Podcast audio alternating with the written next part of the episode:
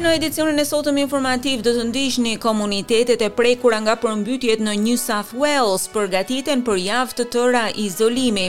Lidhja e mundshme midis sulmuesit të Paul Pelosit dhe trazirave të Kapitolit në Shtetet e Bashkuara të Amerikës. Dhe në tenis, Carlos Alcaraz qëndron si pengesë kryesore përballë Felix Auger-Aliassime për të fituar titullin e tretë radhazi të ATP në gjysmëfinalet e Swiss Indoors. Kalojmë më gjerësisht në lajme. Disa komunitete në New South Wales po përgatiten për javë të tëra izolimi për shkak të përmbytjeve. Qyteti i Mungindi në kufirin e New South Wales dhe Queensland do të qëndrojë tre javë i izoluar. Mitchell Parker nga SES thotë se ka shpresa që të paktën një rrugë të mbetet e hapur, Megjithatë, aksesi do të jetë i kufizuar. So we're gonna see a significant isolation of somewhere even up to two, maybe even three weeks for towns like Mungindi, which is gonna be a huge strain on the community themselves, but also. Presim izolime për periudha dy deri në tre javore për qytetet si Mungindi dhe të cilat do të përjetojnë edhe vështirësi në lidhje me furnizimin me ushqime. Këto vështirësi do të jenë si për qytetarët ashtu edhe për shërbimet që punojnë në këtë drejtim. Ndërkohë kriza e përmbytjeve vazhdon në Victoria pasi shiu i rrëmbyeshëm rëndoi dhe nivelin e ujërave nëpër lumenjt brenda këtij shteti. Ka patur paralajmërime për përmbytje për lumin Snowy, të cilat tashmë janë reduktuar, pasi ky lum ka arritur në nivelin maksimal. Në veri të shtetit qëndron zona e Kerang, e cila është akoma e pasigurt. Qyteti ndodhet i izoluar prej një jave për shkak të rrugëve të përmbytura, E gjendja vazhdon të jetë e tillë deri në fund të kësaj jave. Lumi Murray në Echuca duket se ka arritur nivelin maksimal, por do të qëndrojë i tillë deri në datën gjashtë nëntor. Ndërkohë, në nivel maksimal ka arritur dhe lumi Yarra, kjo për shkak të reshjeve të rrëmbyeshme.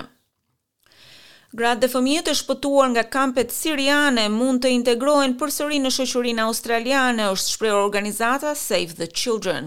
Katër gra australiane, 13 fëmijë të mbajtur në Siri që nga rënia e Shtetit Islamik, u shpëtuan nga kampi Al-Roj në Erbil të Irakut dhe kanë filluar udhëtimin e tyre në drejtim të Sidnit.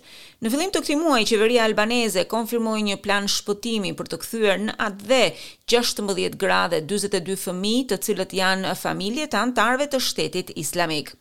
Qeveria federale ka punuar me autoritetet kurde dhe ndër pjesë të procedurave Thuhet se ishte edhe testimi i ADN-së së individëve për të vërtetuar se janë shtetas australianë. Shumica e fëmijëve kanë lindur në Siri, gjë që do të thotë se ata do të shkojnë në Australi për herë të parë.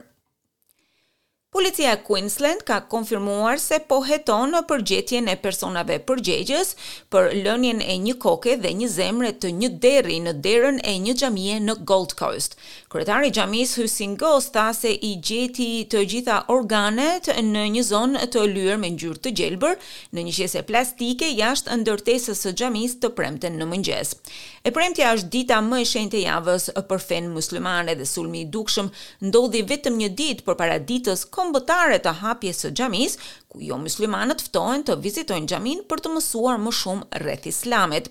Shërbimi policor i Queensland tha në një deklaratë për SBS News se oficerët lokalë dhe specialistët janë angazhuar për të mbështetur xhaminë dhe komunitetin e gjerë mysliman. Goss e përshkroi incidentin si një krim urrejtje të synuar e i ka kërkuar autoriteteve të gjejnë menjëherë se kush është përgjegjës.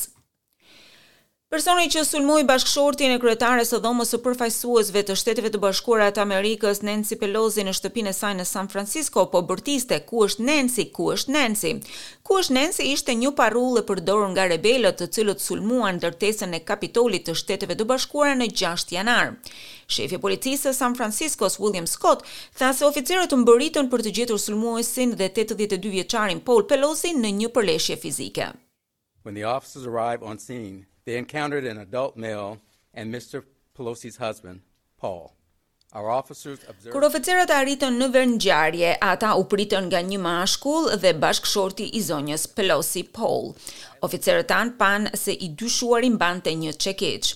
Oficerët e sulmuan menjëherë, e çarmatosën dhe e morën në paraburgim, kërkuan ndihmë urgjente dhe i dhanë ndihmë mjekësore viktimës. I dyshuari ishte i identifikuari dyzet e dy vjeçar David DePape.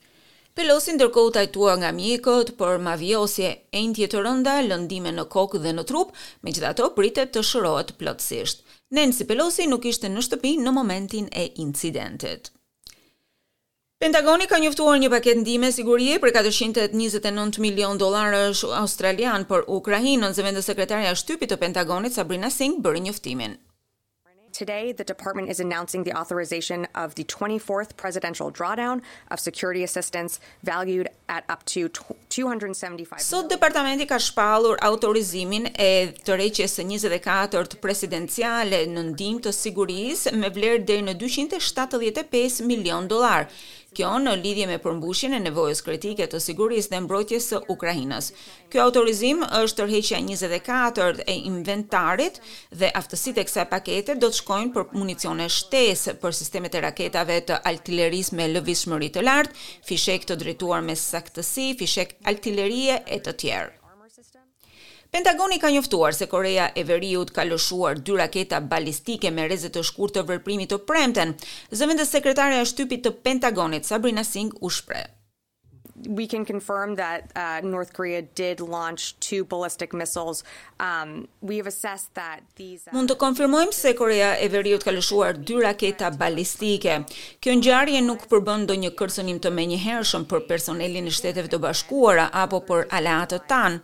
Megjithatë, veprimet e ndërmarra nga Korea e Veriut përbëjnë përsëri një kërcënim për angazhimin tonë ndaj Republikës së Koresë dhe Japonisë. Vendimi ynë mbetet i hekurt. Lëshimi i njëpasnjëshëm, testet e raketave balistike që nga katërmbëdhjetë tetori erdhën në ditën e fundit të stërvitjeve vjetore në terrenin e Koresë së Jugut. Javën e ardhshme, Forcat Ajrore të Koresë së Jugut dhe Shteteve të Bashkuara planifikojnë të kryejnë një stërvitje në shkallë të gjerë. Elon Musk ka marrë kontrollin e Twitter pas një beteje të stërgjatur ligjore dhe muajsh pasigurie. Pyetja është tani se çfarë do të bëjë drejtori dhe miliarderi i Teslës me platformën e mediave sociale. Ja se si u shpreh një punonjës. I mean, I own a Tesla and I don't know how I'm gonna make car payments now. Like, I generally respect Elon Musk, obviously some of the stuff he said lately. Unë kam Tesla, megjithatë nuk e di se si do të jem në gjendje që të bëj pagesat e veturës. E respektoj Elon Musk, natyrisht gjërat që ka thënë së fundmi janë shqetësuese për mua. Jam vërtet i shqetësuar. Ka ndryshuar kultura e të gjithë punonjësve. Ka shumë njerëz tani të cilët nuk janë në gjendje të përfshihen në mënyrën se si do të drejtohet kjo kompani. Do të shohim një Twitter krejt të ndryshëm në javët në vazhdim. Shitja me vlerë dyzet e katër miliardë dollarë do të thotë se Twitter tani do të bëhet kompani private ku investitorët nuk do të jenë më në gjendje të blejnë aksione. Bursa e Nju Jorkut pezulloi tregtimin e aksioneve të kësaj kompanie ditën e premte.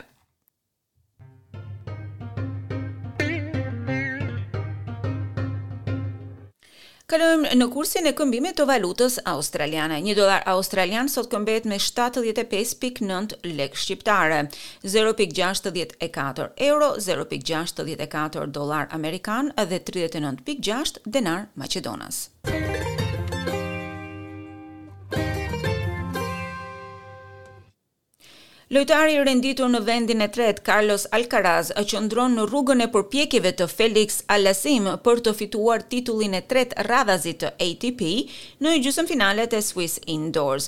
Alcaraz ka fituar US Open muajin e kaluar me gjashtë tre, gjashtë katër kundër mikut të tij spanjoll, Pablo Carreno të premten. Në një intervistë pas ndeshjes, nëntëmbëdhjetë vjeçari numër një i botës pranoi se është e vështirë të luash kundër miqve në fushë.